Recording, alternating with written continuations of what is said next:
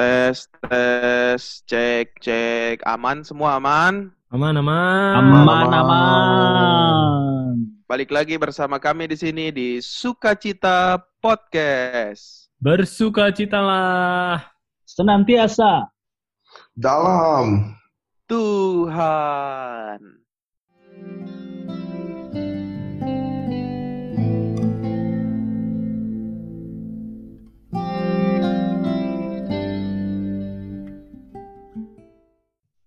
Di suatu sore yang senduh, awan bergerak dengan anggunnya ditambah berkas oranye yang mulai menghilang.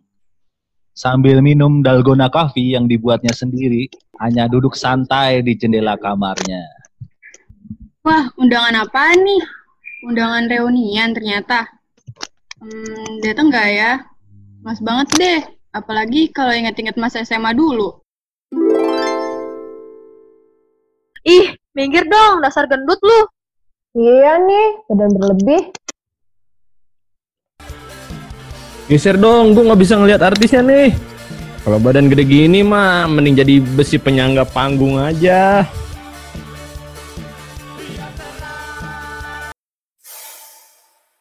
Aduh, aduh. Males banget deh kalau ketemu mereka lagi. Apalagi kalau ketemu sama si Martin. Cowok yang nolak gua. Martin, Eh, Anya, ada apaan? ini gua mau ngasih makanan buat lu. Tadi pagi gue siapin sendiri loh. Khusus buat lu. Oh, ya udah, makasih ya. Eh, tunggu sebentar. Gue mau ngomong sebentar. Apaan lagi? Hmm, gimana ya? Cepetan dong, gue mau main basket nih. Udah ditunggu teman-teman gue. Iya, iya, iya, sebentar. Eh, gue sebenarnya selama ini suka sama lu. Gue mau gak jadi pacar gue? Hah? Gua jadi pacar lo? Nggak mungkin lah. Lihat aja gua sama lu aja beda banget. Nggak mungkin lah gua mau sama cewek badan gendut kayak lu. Udahlah, lu nggak usah mimpi. Aduh, itu sih kacau banget. Mana dia cerita ke banyak orang lagi. Itu si Anya kan? Yang mimpi jadi pacarnya Martin. Wah, Iya, iya, iya, iya.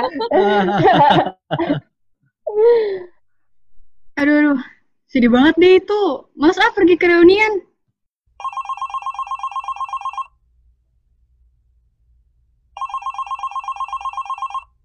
Hanya, ya, lu ikut reuni kan? Aduh, mas banget ah ketemu orang-orang itu lagi. Ih, lu harus ikut. Lu mesti nunjukin ke semua teman kita diri lu yang sekarang ini. Ah, males ah. Nah, gitu dong. Datang ke reunian. Lu cantik banget, Nya. Makasih, Nin. Aduh, gue males banget deh. Santai aja lagi. Eh, itu ada si Bella. Lagi ngumpul sama Martin sama, temen-temen tuh. Kita sapa yuk. Jangan ah, gue mau gue nggak mau sana. Udah, ikut aja. Eh. Hai Bel, apa kabar lo? Eh, hai semuanya. Eh, Nina, gue baik-baik aja dong. Lu gimana kabarnya? Udah lama banget nih kita nggak ketemu. Baik dong gue. Iya ya, terakhir ketemu eh, ya pas nikahnya Vicky. Iya tuh, betul banget. Eh, by the way, siapa tuh yang bareng lu? Pasti lo gak kenal. Pasti lo gak akan lupa lah. Ini tuh si Anya, temen kita dulu. Hah? Anya? Gilanya, lu berubah banget, cantik banget. Pantes aja gue sampai pangling ngeliatnya.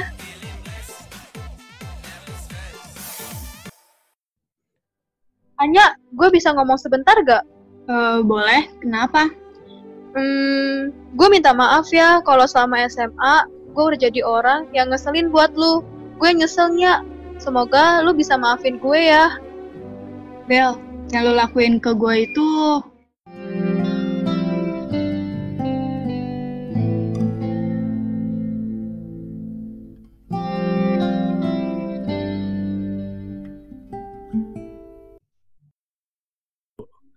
nah gitu tuh ceritanya. Jadi gimana tanggapan teman-teman semuanya nih? Ya kalau bullying mas sekarang sekarang ini memang banyak ya berita-beritanya tuh. Teman-teman pasti juga udah sering dengar tuh kita mendengarkan cerita tentang kasus-kasus bully. Gimana tuh teman-teman? Ya Pak, pasti ini ceritanya rel- relate banget dengan kehidupan anak-anak zaman sekarang ya. Apalagi yang usia-usia mereka yang kerja, yang mau reuni, yang dulu punya kisah-kisah kurang menyenangkan, masa-masa SMA gitu, harus berangkat tapi ragu, nggak berangkat tapi rindu. Ya gimana, susah juga ya gitu. Nah, ngomong-ngomong soal bullying dan cerita-cerita yang tadi kita dengar itu, itu cocok banget tuh sama pesannya Paus Franciscus untuk Hari Komunikasi Sedunia. Lah, emang Paus Franciscus ngomongin tentang bullying di komunikasi sosial sedunia itu? Bukan, bukan. Dia bicara soal ya sering kali dalam kehidupan kita berkomunikasi justru memproduksi cerita-cerita yang destruktif dan provokatif yang bisa pelan-pelan yang mengikis dan menghancurkan benang-benang yang rapuh dalam kehidupan kita bersama. Makanya kita diajak sekarang ini sejauh mana kita mengisahkan cerita-cerita yang konstruktif, yang semakin bisa mempererat satu sama lain, bukan malah menjatuhkan. Oh, berarti yang destruktif dan provokatif tuh kayak bullying tadi ya. Sementara yang konstruktif tuh kayak gimana sih? Kalau yang konstruktif itu biasanya itu membuat kita untuk tidak berhenti di dalam penyesalan dan kesedihan, tetapi kita mau untuk melepaskan diri kita dari yang memenjarakan hati kita dengan membuka hati daripada yang lain tadi itu. Begitu sih kalau konstruktif. Gimana? Berarti sesuai dengan cerita yang tadi kita dengerin, akhirnya kan dia berangkat tuh ke reuni itu dan akhirnya semua orang menjadi bersyukur, menjadi senantiasa mau memberikan diri terbuka dengan yang lain. Maka sebenarnya walaupun kita bukan manusia yang sempurna, tidak bisa membuat cerita segalanya indah, kadang-kadang dalam hidup kita dalam tanda kutip ya punya luka batin luka batin tertentu. Tapi kalau kita tidak terbuka dengan sang narator Tuhan sendiri dalam hidup kita, kita akan selalu dalam keterpurukan, tidak membuka hati dan akhirnya berada dalam kegelapan. Nah, makanya di Minggu Komunikasi Sosial Sedunia ini kita diajak untuk merenungkan tema hidup menjadi cerita. Ceritanya cerita yang mana? Cerita yang destruktif, body shaming, bullying, atau bahkan cerita-cerita yang tidak benar yang justru malah memecah belah dan tidak mempersatukan. Tentu bukan cerita yang seperti itu. Maka kita perlu membangun juga cerita yang konstruktif tadi, cerita yang menguatkan, meneguhkan, dan mengajak maju bersama. Dan itu kita semua lakukan di dalam kehidupan kita, karena hidup kita menjadi cerita. Nah, karena itu supaya kita bisa membangun cerita, kita dengerin dulu nih motivational quote. Oke guys, motivational quotes buat kalian semua.